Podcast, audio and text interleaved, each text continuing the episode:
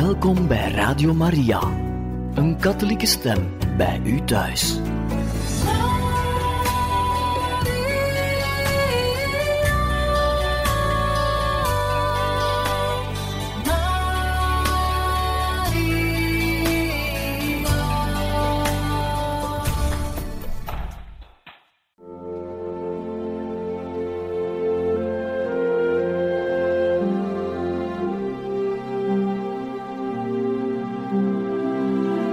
Beste luisteraars van Radio Maria, welkom bij het programma Catechismus.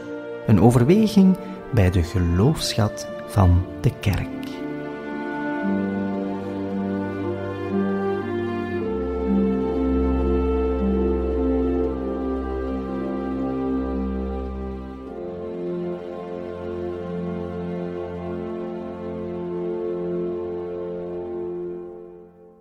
Welkom, beste luisteraars, in het programma Catechismus. We luisteren vandaag verder naar pater Patrick Lens, Dominicaan, die ons momenteel een reeks van meditaties brengt bij de vier evangeliën. Vandaag het evangelie van Lucas. Lucas is het evangelie van Gods welwillendheid. Lucas legt sterk de nadruk op het feit dat Jezus een grote liefde had voor de armen maar ook voor de zondaars. Een fariseer had Jezus bij zich te eten uitgenodigd. Waarom? Wilde hij Jezus beter leren kennen? Was hij nieuwsgierig? Wilde hij hem eens aan de tand voelen? Maar Jezus en zijn leerlingen aanvaarden de uitnodiging. Ze gaan aan tafel ze liggen aan op rustbedden, zoals dat in de oudheid normaal was. En er komt een vrouw binnen, helemaal in tranen, en ze gaat achter Jezus staan. En met haar tranen maakt ze de voeten van Jezus nat. En ze droogt Jezus' voeten af met haar haar. Bij Lucas zijn er vele episodes die plaatsvinden tijdens een maaltijd. Maar hier gebeurt toch iets wat een beetje delicaat is. De voeten aanraken van iemand is een intieme geste. Aangeraakt worden als man door een vrouw is niet zo evident in de Joodse traditie. Men heeft deze vrouw trouwens ook gekenschetst als een publieke zondares. En Jezus laat dat toe. Deze vrouw stelt in feite ook een vreemd gebaar. De voeten zalven. Uiteindelijk zou je dat toch eerder met het hoofd doen. Maar ik stel me voor dat het een vrouw was,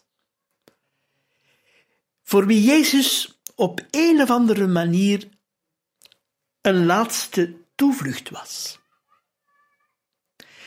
Als uw leven beladen is en dat je geen enkele weg meer weet om van die last vanaf te geraken. En je hebt van Jezus gehoord die iedereen ontvangt en zonde vergeeft. Wel, dan gaat die vrouw naar Jezus toe. En ze heeft geen woorden om uit te drukken hoe ze zich voelt. Ze heeft alleen gebaren die bij haar passen en die misschien in het publiek een beetje gênant waren. Maar Jezus laat dat toe. En de fariseer kan niet goed begrijpen waarom Jezus dat toelaat. Als Jezus een echte profeet is, dan zou hij toch weten wie het is die hem de voeten zalfde. De fariseer kan niet begrijpen dat dit Jezus zou ontgaan. En dat Jezus daar geen punt van maakt. Maar Jezus antwoordt op een heel discrete manier. Simon, ik heb u iets te zeggen. Spreek, meester. En Jezus vertelt het verhaal van een rijke geldschieter die zomaar de schulden kwijtscheldt van een aantal mensen die hem niet konden terugbetalen. De een 500 denari, de ander 50.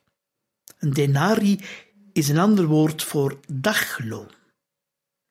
500 denari correspondeerde aan 18 maanden huurloon. Ander was maar 50 denariën schuldig. Dat is niet niets. Ofwel heeft Jezus geen verstand van economie en zou hij regelrecht op een faillissement afstevenen.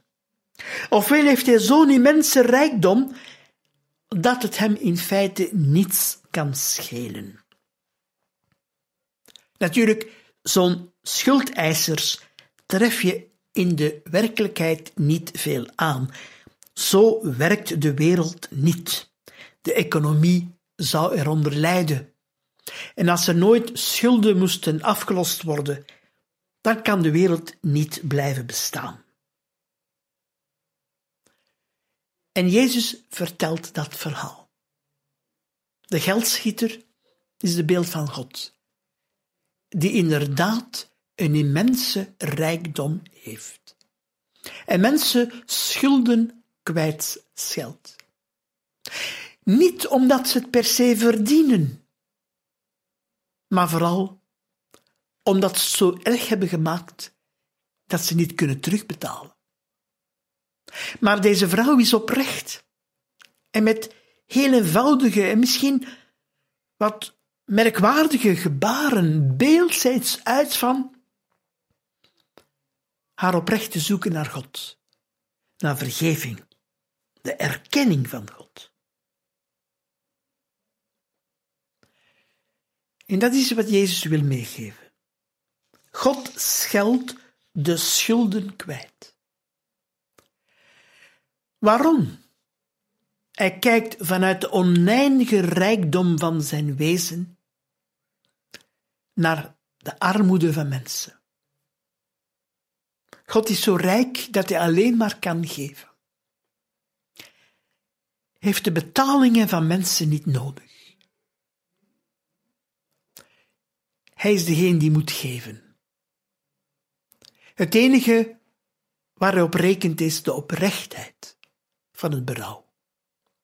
En we zien hoe die vrouw, die arme vrouw, met haar gebaren iets uitbeeldt van de oprechtheid van haar zoeken. De fariseer heeft zonder twijfel die hint van Jezus verstaan. En dat is toch niet zo gemakkelijk voor hem. Een fariseer is iemand die behoort tot een soort religieuze zuiverheidsbeweging. In een tijd waarin de Joodse cultuur zelf onder zware druk stond. Niet alleen door de Romeinse bezetting, maar ook door de innerlijke verdeeldheid en de uitholling zelf.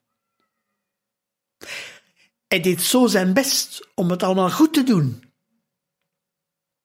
En een vrouw die haar leven lang eigenlijk niet haar best gedaan heeft, krijgt kwijtschelding van zonde.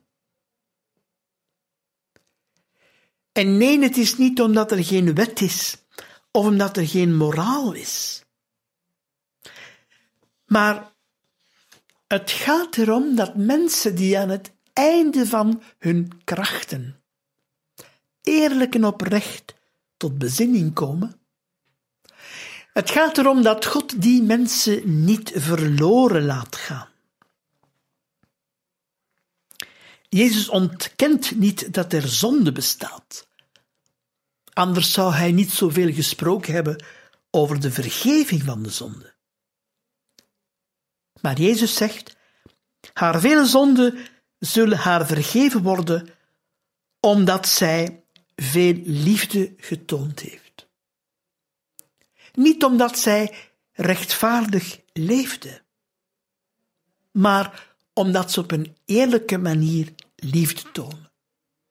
Liefde tonen is soms het laatste wat mensen kunnen doen na een leven dat misschien twijfelachtig was, of misschien zelfs boos of slecht.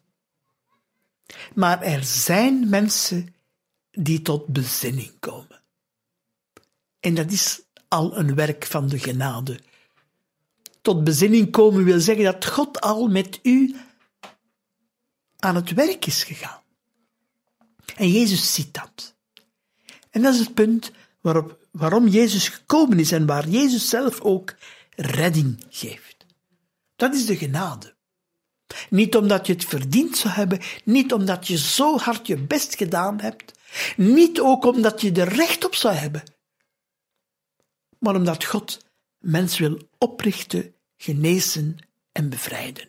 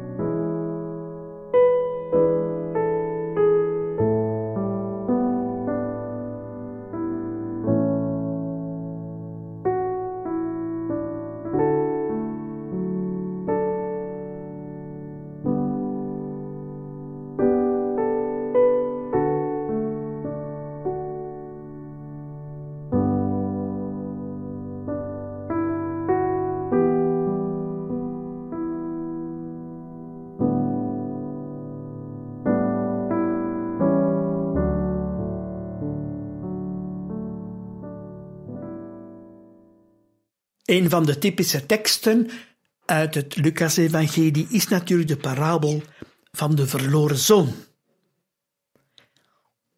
Een overbekende tekst die sommigen op een louter moraliserende manier interpreteren.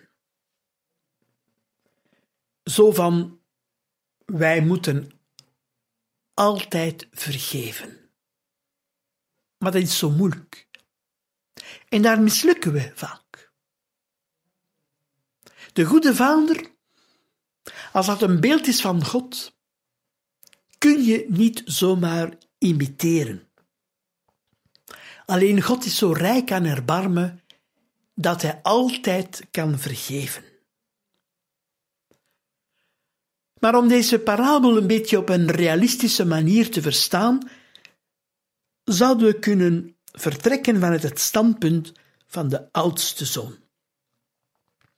Hij ziet zijn jongere broer terugkomen en die wordt zomaar zonder enig verwijt onthaald. Hij krijgt zelfs het mooiste kleed, een ring aan zijn vinger en het kalf wordt geslacht. Als je de parabel zo leest, kan het zijn dat er een gevoel van verontwaardiging opstijgt. Jezus vertelt dit ergerlijke verhaal uitgerekend in een milieu van mensen die altijd hun best doen, fariseeën en schriftgeleerden. En zij zien hoe Jezus bij voorkeur het gezelschap opzoekt van tollenaars en zondaars. En dat stoot toch een beetje tegen de borst. De jongste zoon wordt onthaald. Hij dacht het geluk elders te vinden, ver buiten het land van zijn vader, ver buiten het beloofde land, ergens in een vreemde. Maar zijn zoektocht naar het geluk eindigde bij de varkens. En voor het Joodse volk in de tijd van Jezus was dat het symbool van onreinheid, als je bij de varkens eindigt, dan ben je al buiten het beloofde land. Want alleen heidenen hielden varkens. Het oordeel blijkt al uit de feiten. Uit pure nood keert de jongste zoon terug.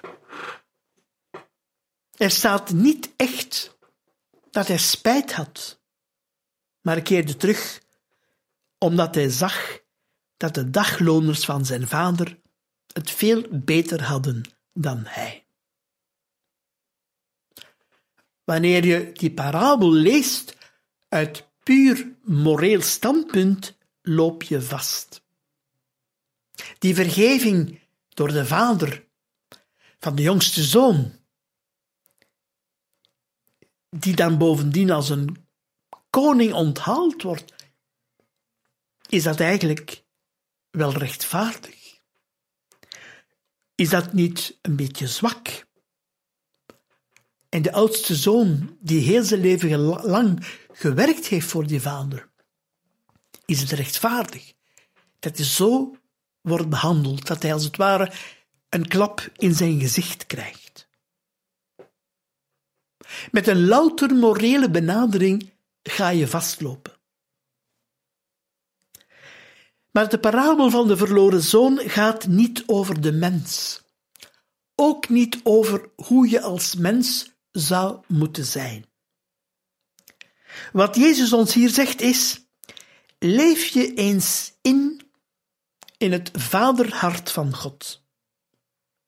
Het is duidelijk dat de Vader hier in deze parabel symbool staat voor God.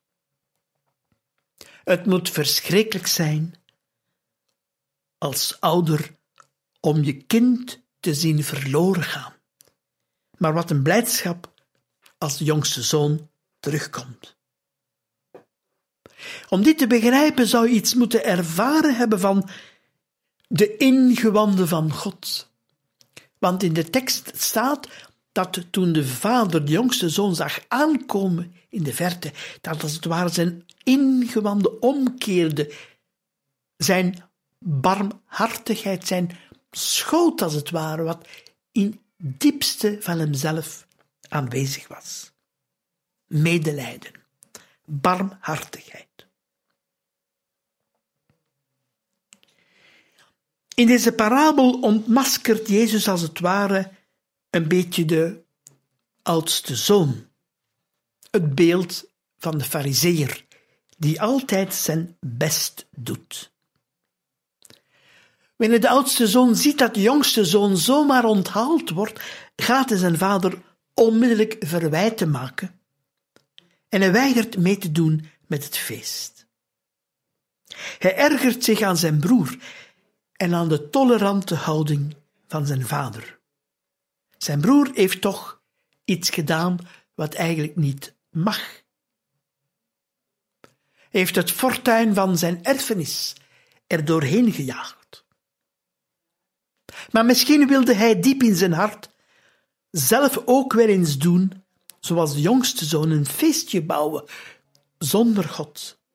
Je hebt me nooit een bokje gegeven om met mijn vrienden feest te vieren, zegt hij bitter tot de vader.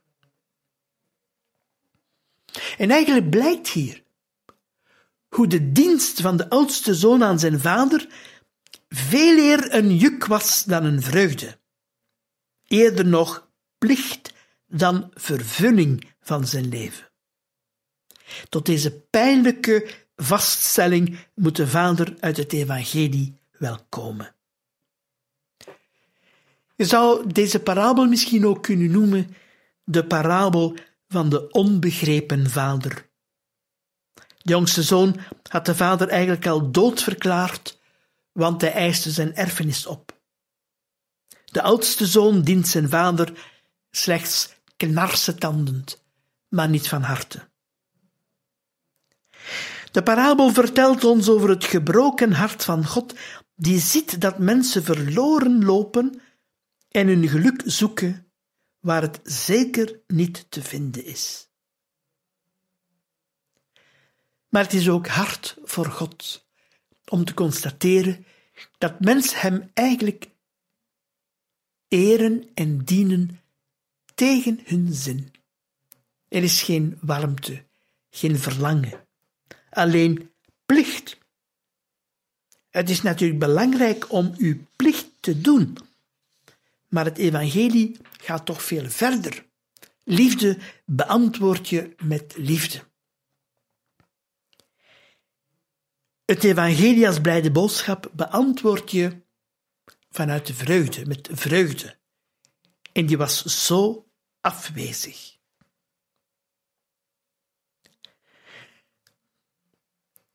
De vader heeft een gebroken hart als hij ziet dat twee van zijn zonen eigenlijk verloren gelopen zijn. En niet hebben verstaan wat hij eigenlijk heeft bedoeld. De vader zegt tot de jongste, tot de oudste zoon beter gezegd, jongen, jij bent altijd bij mij en alles wat van mij is, is ook van jou. Maar het blijkt dat de oudste zoon en ook de jongste zoon in feite geweigerd hebben om in, in hun kindschap te gaan staan. De jongste trekt erop uit en slaat de deur achter zich toe. En als hij terugkomt, meent hij dat hij zijn statuut als zoon verloren heeft en slechts als dagloner verder kan gaan. Zo wil hij misschien ook na zijn thuiskomst nog in de vrijblijvendheid blijven staan. En de oudste zoon, die alle geboden van zijn vader stipt volbracht heeft, heeft eigenlijk nooit in het kindschap gestaan, maar in het knechtschap. Je verdient het niet om een kind van God te zijn. Je bent het. Ik kan dat verwerpen. Door naar het knechtschap te gaan, God dienen alleen maar uit plicht, omdat het moet uit angst voor straf. Of ik kan de deur toeslaan. En met God een soort knechtschap aangaan. Een contract. Een contract dat je te allen tijden kan opzeggen. Maar in feite heb je dat niet begrepen wat het betekent een kind van God te zijn.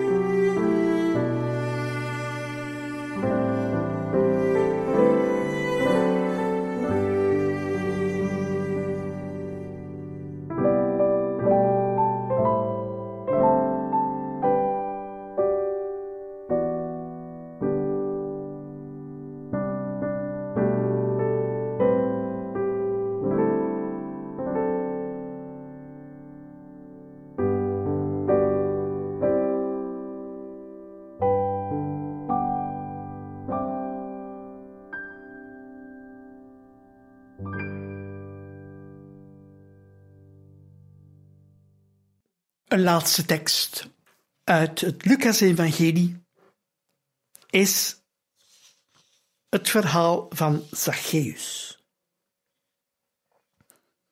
Een tekst die heel populair is in kindervieringen of gezinsvieringen. Er wordt dan gezegd dat je niemand mag uitsluiten. Zacchaeus was een tollenaar, klein van gestalte, en hij moest in een boom klimmen om Jezus te zien voorbijgaan. Hij hoorde er blijkbaar niet bij. En Jezus trekt hem terug binnen, brengt hem terug thuis in de kring. En dat is mooi, maar daar eindigt het verhaal niet mee. Onze cultuur is heel gevoelig aan uitsluiting. Maar het probleem was dat Zacchaeus zijn uitsluiting wellicht zelf bewerkt had.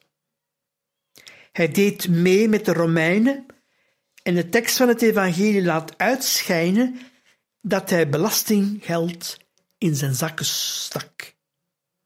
Waarom laat Jezus zich inviteren door zulke man? Of sterker nog, eigenlijk is het Jezus die zich laat uitnodigen. Vandaag moet ik in uw huis te gast zijn. En hij doet dat in het publiek. Dat moet bepaald ergerlijk geweest zijn voor de mensen van Jericho. Misschien had Zacchaeus van deze mensen wel te veel geld geëist. En dat is toch niet zo eenvoudig om dat te vergeven. Zeker wanneer je misschien daardoor een beetje tot armoede vervallen bent.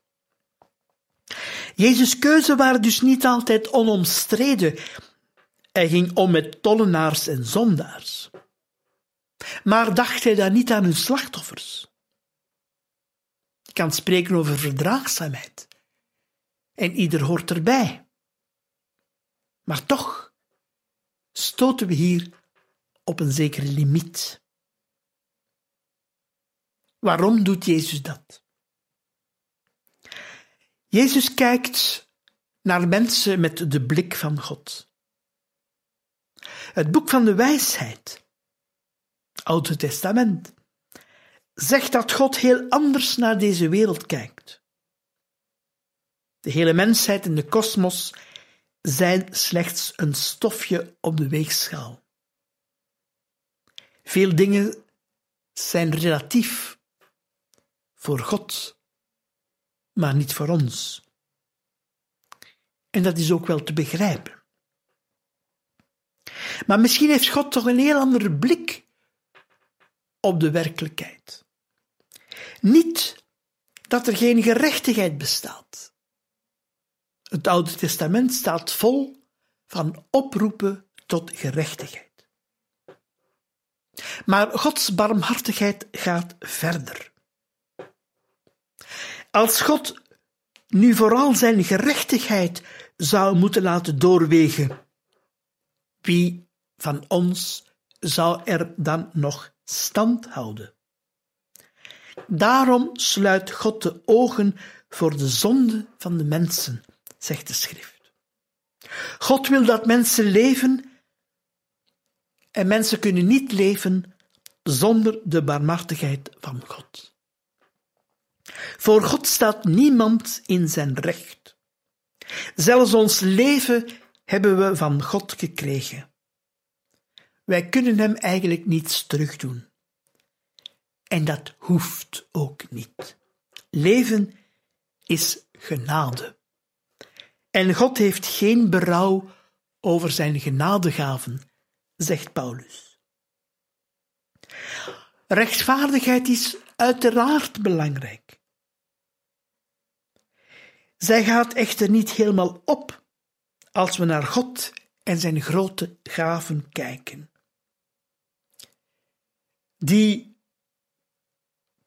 ogenschijnlijk prompte vergeving die Jezus aan Zacchaeus geeft, is dat wel normaal? Is dat wel zo rechtvaardigheid? Is dat rechtvaardig? God vraagt rechtvaardigheid en is zelf ook rechtvaardig. Maar hij vraagt rechtvaardigheid als een vader, met veel liefde, dat wil zeggen dat zijn barmhartigheid altijd groter zal zijn. Precies daarom komt Jezus niet om te oordelen of te veroordelen. Jezus komt vooral om te zoeken en te redden wat verloren is. Jezus had Zacchaeus lief, niet omdat hij uitgesloten was, niet omdat hij het verdiende, maar omdat hij een zoon van Abraham was en vooral een kind van God. Voor God telt niet de straf van mensen of de veroordeling. Hij is uit op het leven van de wereld. En daarom, wie gevallen is, wordt door God weer geholpen om op te staan. Wanneer God spreekt over de zonde, dan is het om mensen te laten terugkeren, weg te roepen uit de slavernij van de zonde. En zonder deze visie van God is de handelswijze van Jezus niet te begrijpen of misschien zelfs niet te verrechtvaardigen. Ofwel zou Jezus te weinig waarde hechten aan rechtvaardigheid. Of misschien zou zijn goedheid wel blind kunnen zijn. Maar Jezus kijkt anders. Hij kijkt met de blik van God naar mensen. En zijn aanpak werkt. Het is zijn goedheid die het herstel van de gerechtigheid zal bewerken. Bij deze geef ik alles terug wat ik van mensen gevraagd heb. Ik geef de helft van mijn bezit aan de armen. Wat ik heb afgeperst, geef ik vierdubbel terug. Er komt iets naar boven van een overvloed. Dat moest Zacchaeus niet doen. Gewoon herstellen wat hij verkeerd had gedaan. Was genoeg geweest. Maar hij geeft het vierdubbel terug. De overvloed van Gods goedheid bewerkt een overvloed van bekering. Het is de goedheid van Jezus die mensen helpt om goed te leven. En zo gaat Jezus ook voorbij aan het principe van de strikte rechtvaardigheid. Het gaat over overvloedige barmhartigheid. En dat helpt Zacchaeus om zich echt en van binnenuit te bekeren. En daarmee maakt hij ruimschoots goed wat hij verkeerd had gedaan. Wij kunnen dat misschien uit eigen kracht niet bewerken. Het is alleen Gods liefde die ons in beweging brengt. En daar heb je soms een heel leven voor nodig om dat te begrijpen. Maar de zonde houdt ook ons gevangen. En Gods overvloedige goedheid wil ook ons vrijmaken en herstellen. Ons herstellen in de oorspronkelijke staat van gerechtigheid. Maar het enige middel waarmee hij dat kan realiseren, is de barmhartigheid.